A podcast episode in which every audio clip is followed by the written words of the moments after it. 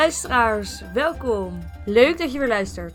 Tijdens deze derde aflevering heb ik een hele bijzondere gastspreker uitgenodigd. Namelijk mijn lieftallige vriendin Roos. En we gaan het hebben over Egypte. We hebben hier namelijk vorig jaar een half jaar samen gewoond en gestudeerd bij het Nederlands-Vlaams Instituut in Cairo. En uh, ja, wat was het leuk hè?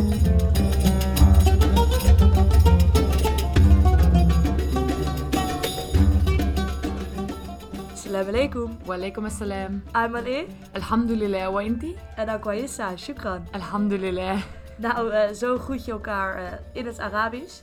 Uh, welkom Roos, leuk dat je hier kan zijn voor deze derde aflevering. Dankjewel, ik vind het superleuk dat ik weer te gast mag zijn in je podcast. Nou, leuk, goed om te horen. voordat we beginnen is het misschien leuk als je jezelf eventjes kort wilt voorstellen. Um, ja, dank je. Ik ben dus Roos Visser, ik ben 23 jaar en ik studeer Midden-Oosten-studies uh, aan de Rijksuniversiteit Groningen. Net als jij. En um, we hebben dus samen een halfjaartje in uh, Egypte gewoond. Ja. Met tweeën in Cairo. Ja, nou leuk. Um, deze podcast is een beetje anders dan normaal. We gaan het natuurlijk hebben over Egypte en onze tijd daar en wat we allemaal gedaan hebben. En dat gaan we doen aan de hand van een paar algemene stellingen over Egypte. Dus ik zal hem steeds voorleggen en dan kunnen we kijken of jij of uh, nou ja, eigenlijk wij het daarmee eens zijn of niet. Uh, dus laten we gewoon maar meteen gaan beginnen. Oké, de eerste stelling is, uh, ik kom maar meteen met de deur in huis vallen, maar iedereen in Egypte is moslim. Klopt dat? Ben je het daarmee eens? Is dat niet zo? Wat denk jij daarover? nou, nee, absoluut, dat is absoluut niet waar. Je hebt ook een hele groep, grote groep koptische christenen weet niet precies de cijfers, maar... Ja, de, uh, het is 85 tot 90 procent is moslim. En dan 10 tot 15 procent ongeveer is uh, koptisch christen.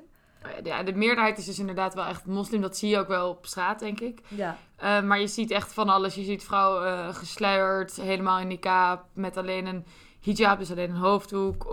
of zonder hoofddoek. Je ziet echt van alles. Ja, klopt. Maar de staatsreligie is wel islam. Ja, ja.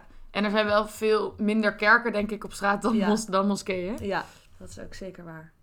En er zijn natuurlijk ook nog wel joden, maar ik weet niet hoe dat, uh, of dat er veel of weinig zijn. Nee, ja, klopt. Ik weet daar ook niet de precieze aantallen van. Maar je hebt natuurlijk ook uh, heel veel verschillende kleinere minderheidsgroepen en uh, religies. De tweede stelling is: Egypte en met name Cairo is een onveilige en vieze stad. Er zijn natuurlijk veel negatieve berichten in de media over Cairo. Maar ja, hoe hebben wij dat ervaren?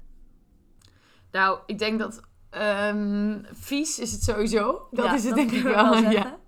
Um, het is gewoon heel veel smog en um, de lucht is ja, ja, gewoon vies. En als je dan thuis kwam na een dag dat je buiten was geweest, dan kon je was je gewoon een beetje zo dan had je wel een beetje een zwart laagje op je armen. heel ehm, veel vuilnis op straat. Ja, heel veel zwerfhonden, zwerfkatten. Zwerfkatten, echt eindeloos veel. Uh, ja, een ander voorbeeld waar uh, je wel de viesheid aan kan zien is... Uh, nou ja, het regent daar echt nooit. Het is vaak heel warm en benauwd. Wat wij als Nederlandse meisjes natuurlijk helemaal niet erg vonden. Maar als het dan een keer regent, dan is het ook vrij bijzonder. En hierdoor wordt de stad eigenlijk alleen nog maar nog viezer. Het wordt heel modderig, het gaat heel erg stinken. Ja, de viezigheid uit de lucht komt soort van naar beneden gevallen dan of zo. Dus we kwamen een beetje van een koude kermis thuis. Ja. Het was helemaal nou, niet dus vies is het wel, maar onveilig? Nou, ik denk dat je dat, zeg maar, qua verkeersveiligheid is het niet uh, optimaal. Het is echt chaotisch uh, qua verkeer en auto's die razen om je heen. Maar je bent minimaal een uur onderweg voordat je bij je bestemming aankomt, ook al is het heel dichtbij. Er is altijd file en oversteken is ook echt een ramp. Al hebben ze wel, dat was wel grappig, de eerste dag dat we op het instituut aankwamen, kregen we een soort van korte beknopte verkeersles. En toen werd ons meteen uitgelegd dat um, als je wil oversteken, automobilisten nemen eigenlijk uh, alleen uh, verantwoordelijkheid voor het kleine deeltje voor hun auto. Dus als je wil oversteken, dan moet je gewoon voor de auto springen op straat. En dan stoppen ze vanzelf wel. Je moet gewoon gaan en niet erbij nadenken. Ja. Gewoon uh, oversteken. ze rijden je echt niet aan. Dat moesten we maar... maar, maar onveilig op het gebied van diefstal is heel weinig. Ja, heel weinig. Ja, het is helemaal niet zo crimineel. Ik denk dat dit ook wel vooral komt doordat het dus een islamitisch land is. En dat dat soort zaken in principe gewoon haram zijn. Dat daardoor mensen het wel echt veel minder doen uh, ja, vanuit de overtuiging van de, van de religie dan. Ja, en dat, dat merk je wel gewoon. En bovendien, het is gewoon, mensen zijn heel vriendelijk. Dus als je je, je uh, portemonnee of zonnebril, wat ik meerdere malen heb gedaan. Daar weet je alles van. Ergens vergeet, in de taxi of in de metro of gewoon op straat. Of in, dan uh, komen ze wel echt achter je aangerend dat je, bent, dat je hem niet, uh, of dat je iets bent vergeten. Ja. Oké, de derde stelling is: uh, in Egypte tel je als vrouw niet mee. Ik denk dat wij uh, heel erg vaak van tevoren hebben gehoord, uh, als we vertelden dat we een half jaar naar Egypte gingen, dat mensen zeiden: Maar ben je dan niet bang? En hoe gaat dat dan? En hoe werkt het allemaal als meisje daar in je eentje? En weet ik wat allemaal naar ons hoofd kregen. Ja, dat, dat klopt. We kregen heel veel van dat soort vragen. Maar we hebben volgens mij allebei echt helemaal niet dat heel als vrouwen in Egypte zijn, niet per se naar ervaren of zo. Natuurlijk waren er wel altijd wel dingen. En we zijn, denk ik, een miljoen keer uitgehuwelijkt in de taxi aan een zoon, een neef, een kleinzoon of een achterneef. Ja. Um, ja, je moet op straat gewoon heel erg opletten met wat je aan hebt, hoe je eruit ziet.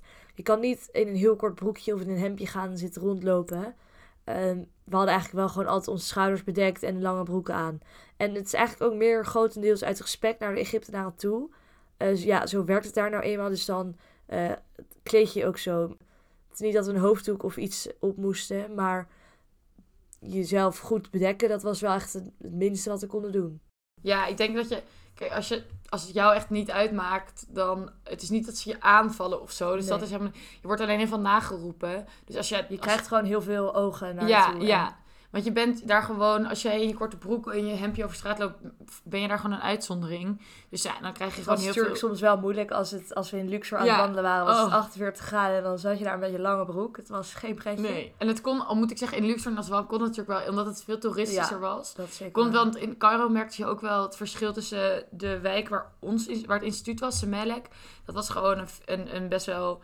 Um, nou, wat rijkere wijk en, en wat moderner. in dat in westers opzicht. Ja. En daar kon je, kon je wel echt met een hemdje over staan. En wij wonen natuurlijk echt midden, midden in Cairo, hartje Cairo. Uh, tussen de Egyptenaren in. En echt een beetje in zo'n uh, familiebuurtachtig. In Aguza heet het. En uh, dit was een plek waar echt nul toeristen kwamen. Dus daar liepen we eigenlijk al helemaal niet rond in een kort broekje. Maar ja, als je het echt had gewild, had het natuurlijk gekund. Maar je deed het gewoon niet echt. Uh, verder moet je als vrouw, uh, ja, je moet eigenlijk gewoon heel erg wennen dat uh, op straat iedereen naar je kijkt, iedereen naar je fluit, naar je roept, je schreeuwt. En dat komt natuurlijk ook vooral door ons blonde haar. Dat vond ik het enige wel vervelend daaraan, is dat je wel gewoon een soort achtergestelde positie hebt ten opzichte van een man. Dus als wij, ehm, nou, ik, had wel ik heb een keer een taxi gehad dat ik samen met, ik zat voorin en ik was samen met een Nederlandse vriend in het Arabisch aan de taxichauffeur aan het uitleggen waar we heen moesten. Op een gegeven moment um, kijkt de taxichauffeur me aan, die doet zijn hand voor mijn gezicht en die zegt dat ik mijn mond moet houden en die draait zich om om alleen maar met mijn uh, mannelijke vriend eens te gaan Ja. praten. Nou, dan zit je wel echt even, pardon. En je ziet natuurlijk op straat ook wel veel meer mannen dan vrouwen. ja, ja. Eh, bijna geen vrouwen op straat. Nee, die zijn echt in, En in huis. het verkeer ja. ook niet echt. Ik weet nog dat we één keer met de taxi gingen en toen hadden we een vrouwelijke Ja. eh, taxichauffeur. En dat was toen helemaal eh, spannend. Ja, we waren heel blij dat we een keer hadden. verschrikkelijk te kunnen rijden. Dus eh, dat was dan weer net eh, jammer. Oké, nou, je moet dus gewoon opletten met wat je aan hebt, opletten met wat je doet. Maar eh, ja, dat moet je natuurlijk overal doen op de wereld. Het is niet dat dat in Cairo extra moet. Er zijn veel minder vrouwen op straat en de status van de vrouw is wel gewoon anders dan in Nederland. Daar moet je aan wennen. Maar het is niet dat ik me onveilig voelde in Cairo puur omdat ik een vrouw ben. Nee, eerder soms gefrustreerd. Omdat je, Ja. dat het niet eerlijk is dat je dan een andere positie hebt, maar echt niet, geen moment onveilig Nee. hebt. Eh, Oké, nou eh, de volgende stelling is: Egyptenaren zijn sociale en aardige mensen.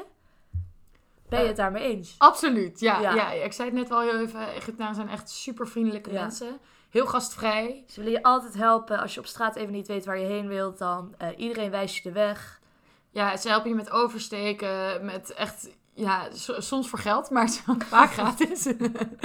Ehm, en gewoon heel gastvrij. En het is sowieso echt een super, de cultuur is daar wel ook heel vriendelijk. Ook soms een beetje schijnvriendelijk, maar als je in een taxi zit en je bent een beetje met die taxichauffeur aan het praten, vaak in het Arabisch dan, dan zegt Ja, hij dan heel vinden vaak... ze dat natuurlijk al helemaal Ja, geweldig. dan vinden ze dat super leuk. Ja. En dan zegt hij heel vaak aan het einde: nee, je hoeft echt niet te betalen. Ja, Dit ritje oh ja. krijg je gratis. En dan moet je dus ehm, het spelletje meespelen. Dat je zegt, nee, ik wil betalen. Ik wil echt per se dat ik mijn geld aan u uitgeef. En dan zegt hij, nee, maar ik wil echt dat jij gratis rijdt. Dan sta je vervolgens 10 minuten zo te onderhandelen op straat. Ja, maar denk maar niet dat je weg kan lopen zonder te betalen. Dat is echt niet de bedoeling. Dus het is een soort van beleefdheids ehm, samenleving of zo, of, of cultuur. Dus dat is wel, wel grappig. Ja, de eh, vriendelijkheid van de Egyptenaren merkt je eigenlijk ook heel erg al in ons buurtje, in uh, Aguza.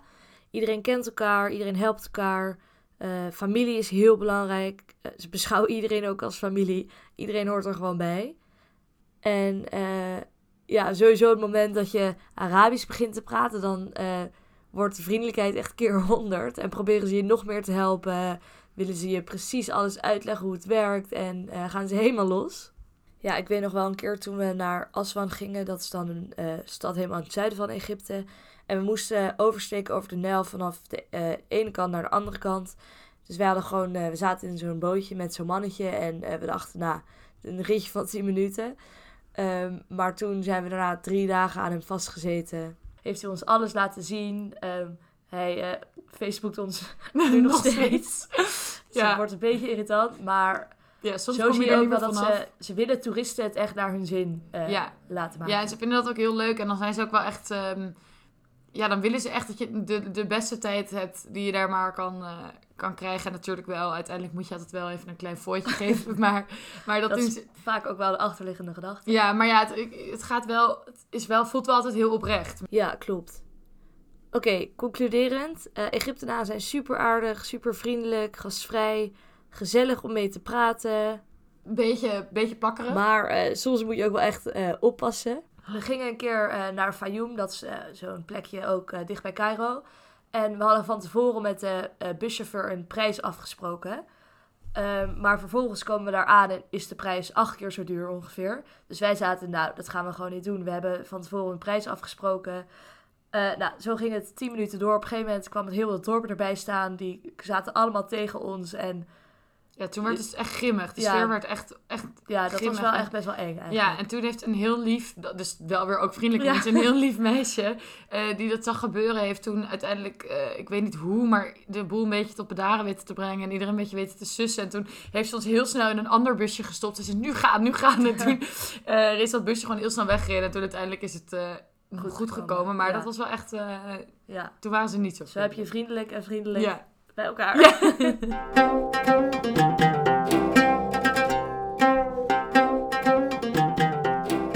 nou, dit is natuurlijk een beetje de, uh, het sociale aspect van de stad en uh, hoe mensen daar leven. Maar hoe zit het eigenlijk met de politieke vrijheid in Egypte? In 2011 had je natuurlijk de Arabische lente. En heel kort door de bocht was dit een golf van protesten en revoluties in de Arabische wereld. En zo ook in Egypte tegen het regime van de toenmalige president Mubarak. Maar hoe is het eigenlijk daarna afgelopen? Merk je dan nog dat de revolutie van toen uh, nog heel erg leeft onder de mensen of echt totaal niet? Uh, daarom is eigenlijk de volgende stelling: de politieke vrijheid in Egypte is beperkt. Ja, ik, ik denk wel dat dat, dat, dat klopt. Dat de politieke vrijheid inderdaad... Moeten we niet uh, te hard zeggen. Nee, ik denk precies. Dus daar, daar begint het al. Ja. Um, Sisi heeft ook niet voor niets een, een, een bijnaam, namelijk uh, de dadel. Zodat mensen vrij over hem kunnen praten. En toevallig lijkt zijn hoofd ook echt een beetje op een dadel. Wel grappig dat je iemands hoofd vergelijkt met een dadel. Ja, um, nee, maar het is wel... Um, wij waren er toevallig um, tijdens, of ten tijde van een nieuwe grondwetswijziging... En die grondwetswijziging hield eigenlijk twaalf wetswijzigingen in.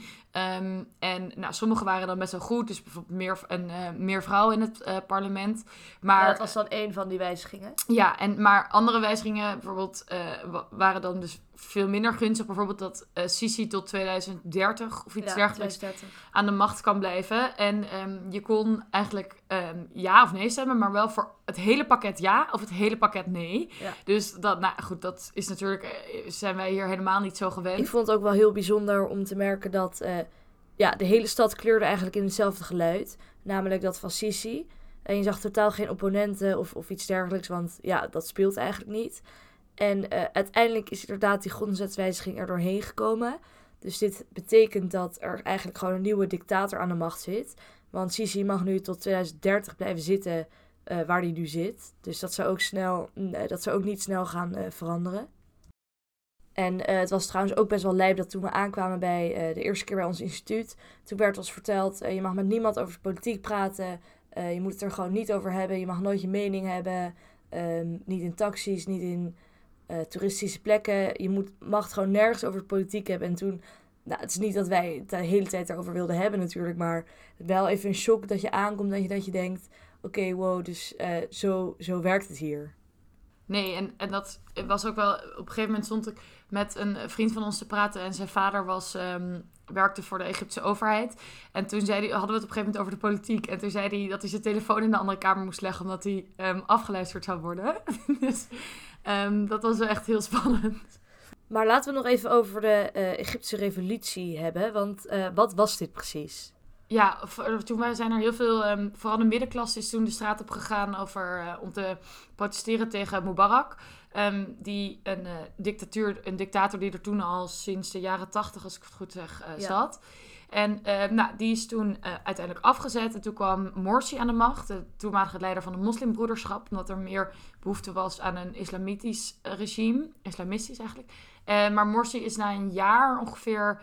Is er een coup gepleegd door zijn legercommandant Sisi. En die, toen is Morsi dus afgezet en toen kwam Sisi aan de macht. En um, nou, eigenlijk wel met heel veel steun. Dus nu zijn de moslimbroeders ook weer, moeten weer ondergronds en zijn weer verboden. Um, dus sindsdien is Sisi eigenlijk weer aan de macht. En dat leek eerst als een soort bevrijding te komen. Maar die zet nu ook, krijgt een steeds ja. ja, we hoorden ook wel veel dat uh, eigenlijk de situatie hoe het daar nu is, is nog veel slechter dan toen, uh, toen voor de protesten uitbraken in 2011. Ja, ja want Sisi heeft, is echt bang dat het nog een keer gaat gebeuren. Dus die gaat dit echt niet, um, niet zomaar laten gebeuren. Dus die um, heeft een ijzersterke greep op het land. Oké, de volgende stelling is: mensen hebben over het algemeen een goed leven in Cairo. Um, ik denk dat we naar aanleiding van de vorige vraag hier wel een beetje uh, duidelijk antwoord hebben gegeven. Uh, dat is natuurlijk niet echt zo. Er is heel veel armoede, ongelijkheid, veel daklozen, veel zwervers. En dit zie je ook wel echt veel terug op straat. Uh, je hebt zelfs in Cairo zelf een wijk dat heet Garbage City. Daar wonen de Zebelin. En dit betekent letterlijk mensen van het vuilnis. deze mensen, het zijn ongeveer 50.000 tot 70.000 die uh, op deze plek wonen. En het is eigenlijk gewoon een vuilnisbelt. Het idee is dat die mensen het vuilnis ophalen uit de, uit de stad en brengen naar hun eigen woonplaats. En letterlijk daarin in leven. En ja, zo zie je eigenlijk ook maar weer heel goed de verschillen en de contrasten in de stad. bijvoorbeeld het contrast tussen de rijken en de armen, de, en de armen in de stad is gewoon heel duidelijk zichtbaar. De rijke mensen wonen vooral in van die nieuw aangebouwde buurten. Tegenover mensen die letterlijk in het vuilnis leven, weet je. Dus uh, daaraan merk je wel echt de armoede in de stad. Ja, Cairo is een stad van, ik geloof, 21 miljoen inwoners. Ja. Um, en dat past gewoon niet in de stad. De stad is daar eigenlijk gewoon te klein voor. Dus mensen hebben een leven op elkaar. Er worden letterlijk huizen gebouwd, op flats gebouwen. Um, ja, en je ziet dan bijvoorbeeld de weg um, vanuit uh, eigenlijk een beetje het centrum naar de piramides toe, daar zijn heel veel van dit soort flats. Uh, uit de tijd van Nasser stammen, die zijn gewoon nooit afgebouwd, omdat er het helemaal geen geld voor was.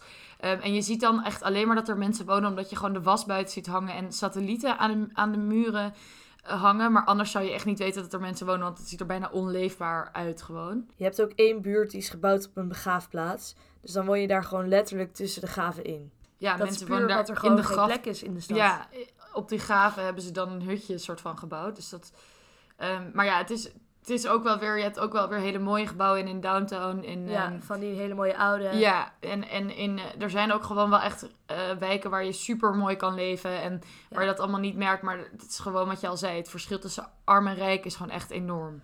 En uh, er wordt natuurlijk een nieuwe hoofdstad gebouwd. Ik weet even niet uit mijn hoofd of die al uh, klaar is. Nee, nee. Nou, dit is een stad die wordt 35 kilometer vanaf de oude stad gebouwd. En dit is eigenlijk gewoon voor meer banen, meer woongelegenheden. Um, en als je dan googelt op internet, zie je alleen maar hele mooie huizen ja. met groen en weet ik veel wat. Niet Terwijl het is midden in de woestijn. Um, ze zijn al sinds ik weet niet wanneer ze zijn begonnen, maar... Ja, ze zijn al heel lang bezig, maar geen cactus overleeft het daar. Dus zeg maar... Ja, er is gewoon heel veel kritiek op, want het is alleen toegankelijk voor de allerrijkste. Omdat het dus zo nieuw en modern is. En hierdoor is, zijn mensen bang dat de oude stad, dus uh, gewoon Cairo... Uh, ja, dat daar de aandacht weggaat en uh, nog meer in verval raakt. Dus hier zien we ook dat Sisi wederom niet echt punten scoort.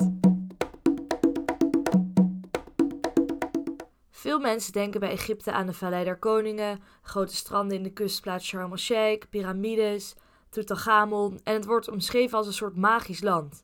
Dit komt natuurlijk mede door alle bezienswaardigheden die in Egypte zijn. Maar daarom is de volgende stelling ook: de bezienswaardigheden maken Egypte wat het is. Wat vind jij daarvan? Ben je het daarmee eens of niet? Nou, ik denk wel, voor een deel is het wel echt waar. Want ja, je denkt gewoon als eerste aan de piramides. En wij zijn zelf ook naar uh, Luxor, Aswan en Abu Simbel geweest. Dat helemaal in het zuiden, daar ligt dus de Vallei der Koningen. En heb je allemaal hele mooie um, opgravingen nog uit het oude Egypte. Um, dus dat, wat dat betreft is het wel zo, maar er is wel veel meer dan dat. Het is niet alleen maar die oude geschiedenis waar mensen aan denken. Ja. Um, maar ja, het was wel, het was daar zo ontzettend mooi. En Abu Simbel, dat was echt, dat is geweldig. Dat is onder Aswan, um, een hele oude tempel. En toen werd de Aswandam gebouwd in de, ja, rondom de jaren 50 van de vorige eeuw. En um, toen zou het water dus veel hoger komen te staan, waardoor die tempel onder water zou komen te liggen en dus verwoest zou worden. Toen hebben ze die tempel gewoon uitgegraven. Het is echt een enorme tempel. En um, bovenop een berg gezet met daaromheen nog een berg gebouwd, waardoor die tempel dus kon blijven bestaan. En dat is wel echt super mooi om te zien. We waren er ook als een van de eerste, dus wel echt een super mooi uitzicht. Ja, ik snap ook enigszins wel waar uh, al die mensen die beelden vandaan hebben. Uh, als je bijvoorbeeld naar het Egyptische museum gaat in de hoofdstad zelf, dan zie je al die geschiedenis en het is zo cool. En je kan je echt niet. Uh, je kan gewoon niet geloven dat ze het zo lang geleden hebben gemaakt. Dat heb ik ook bij de piramides. Ik snap nog steeds niet hoe ze het hebben gedaan. Op een gegeven moment waren we er echt acht keer geweest. Maar elke keer bleef het bijzonder dat het gewoon zo'n groot bouwwerk zo lang geleden gebouwd is. En ja, nog steeds er staat eigenlijk. Ja, dus dat is ook wel, maar daardoor vergeten mensen ook wel dat, dat Egypte ook nog heel veel andere dingen heeft. En dat de islamitische cultuur of zo, die wordt dan een beetje vergeten. Maar ja, het is ook niet gek, want die, die drie piramides daar bij Cairo, ja, die, die staan gewoon symbool voor Egypte.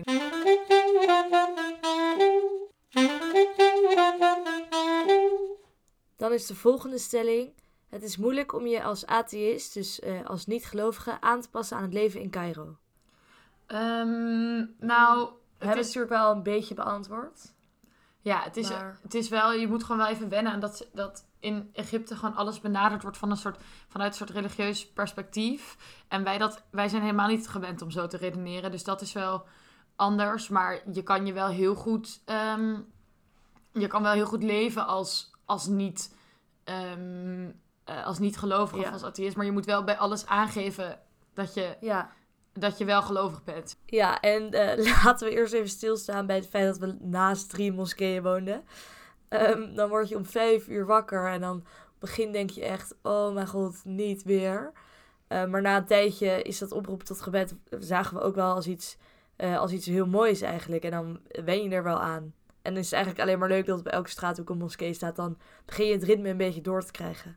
Ja, en je kon dus inderdaad je, je mag wel, of je kan wel gewoon zelf atheïst zijn. Want ja, ik, wij gingen niet opeens naar de moskee of zo. Maar je moest wel overal, als we dan iets officieels moesten invullen of zo. Of dan moest je altijd zeggen dat je christen was. Want je, je, kon, je kon gewoon niet, als je, je moest altijd je religie aanvinken. Wat wij, denk ik, sowieso allebei heel, of vanuit ons Nederlandse perspectief heel raar vonden. En dan moesten wij ons visum aanvragen. En dan moesten we dus uh, aanvinken welke religie we hadden. En er stond echt niet een hokje atheïst of zo. Je moest dan uh, wel echt invullen dat je christen was. Ja, ik ben uh, niet echt van mening dat het moeilijk is om je aan te passen in Egypte. Maar het is gewoon meer echt totaal iets wat je niet gewend bent. hoe het leven daar gaat. Ik weet ook nog wel dat als we gingen reizen met de bus ergens heen. Dat we dan 16 uur in de bus zaten. En weet ik veel, heel warm en druk. En dan stond de Koran aan als radio. Dus je luistert gewoon 16 uur lang naar Koranrecitaties in die bus. En ja, dat was gewoon heel erg heftig op het begin wel. Het is gewoon, het is geen Radio 538, maar de, de Koran staat eraan. Vreselijk warme bus, ja. Maar aan ja, daar wen je ook, je went gewoon eigenlijk aan alles. En het was wel um, grappig dat je, je had dus wel overal moskeeën, maar um, vlak bij ons waren dus nou, drie moskeeën. Maar als je dan overstak naar de overkant van de straat, dan was daar ook weer een nachtclub. Dus, het oh, is, dus de contrasten zijn ook wel weer heel groot. Je moet de stad gewoon wel echt een beetje leren kennen om te zien dat, het, dat er veel meer is dan wat je aan de oppervlakte ziet. En in zo'n nachtclub kon, kon opeens weer alles. Daar kon je, kon, waren vrouwen super bloot gekleed en werd er... Um, werd er drugs, uh, werd er wiet gebruikt en zo. Dat was allemaal, uh, ja ik denk trouwens dat het voor ons ook uh, heel erg hielp dat wij natuurlijk uh, de taal spraken Arabisch. Nou ja, probeerde te leren. Dat geeft gewoon zoveel meer vrijheid op de een of andere manier. En mensen respecteren je meer, proberen je meer te helpen. Ja, en een, een weinig, een klein deel uh, spreekt natuurlijk maar Engels. Dus als je de taal spreekt, Arabisch, dan helpt het eigenlijk al in zoveel opzichten. Ja, dat denk ik ook. Trouwens, was het natuurlijk ook heel lijp dat iedereen overal binnen mocht roken. Ja, ja. Overal. Dan zit je, ben je ergens aan het eten en dan zitten de mensen naast je gewoon te roken. Of het is een uh, normale sigaret of waterpijp. Of... Ja. Alle, en dan zie je soms ook tussendoor doen. Dus dan eten ze terwijl ze gewoon ook de waterpijp aan het roken zijn. Ja, dat was, dat was heel raar. Zou je eigenlijk ooit nog in Cairo kunnen uh, of willen wonen? Um, ik denk nou wel zoals we nu hebben gedaan, weer nog een half jaar of nog een jaar. Maar ik denk niet permanent. Nee. Jij? Um, ja, ik denk eigenlijk een beetje hetzelfde als jij. Het lijkt me heel leuk om daar nog een keer een, een jaar of uh, iets langer te wonen. Maar niet inderdaad permanent. Of je moet de hele tijd terug kunnen. Maar uh, nee, dat denk ik niet.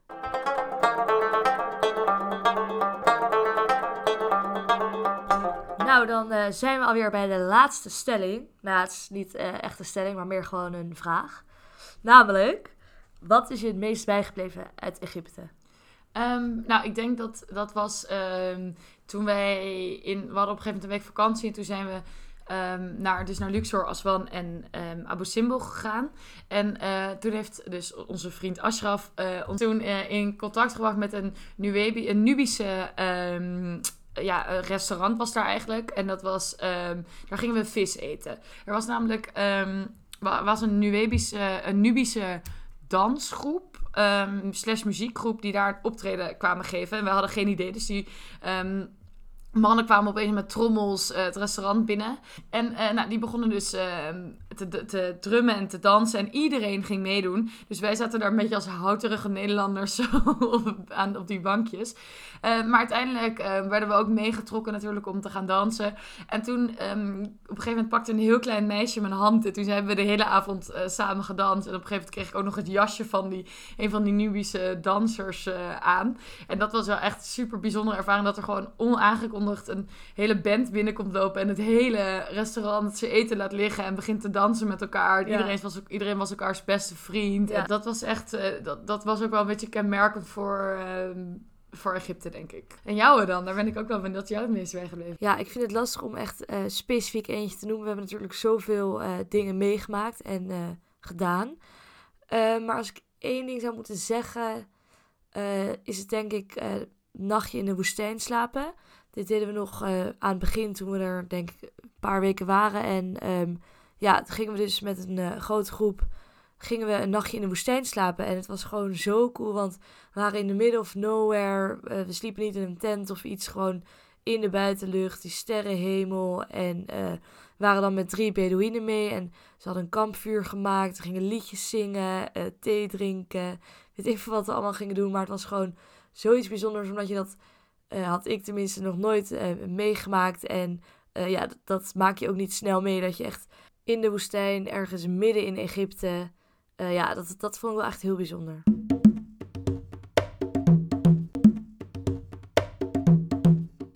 Oké, okay, nou, we zijn door alle stellingen heen gegaan. We zouden natuurlijk nog jarenlang hierover door kunnen praten. maar dat gaan we gewoon even niet doen. heel erg bedankt Roos dat je hier wilde zijn. Ik vond het heel gezellig.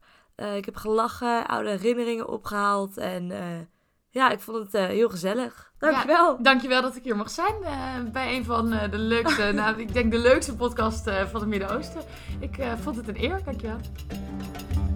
Vergeet niet te abonneren op Spotify en op Apple Podcasts, zodat je er de volgende keer meteen bij kan zijn. En oh ja, vergeet me ook niet te volgen op Instagram. Midden in het Oosten, laagstreepje podcast. Nou, tot de volgende keer.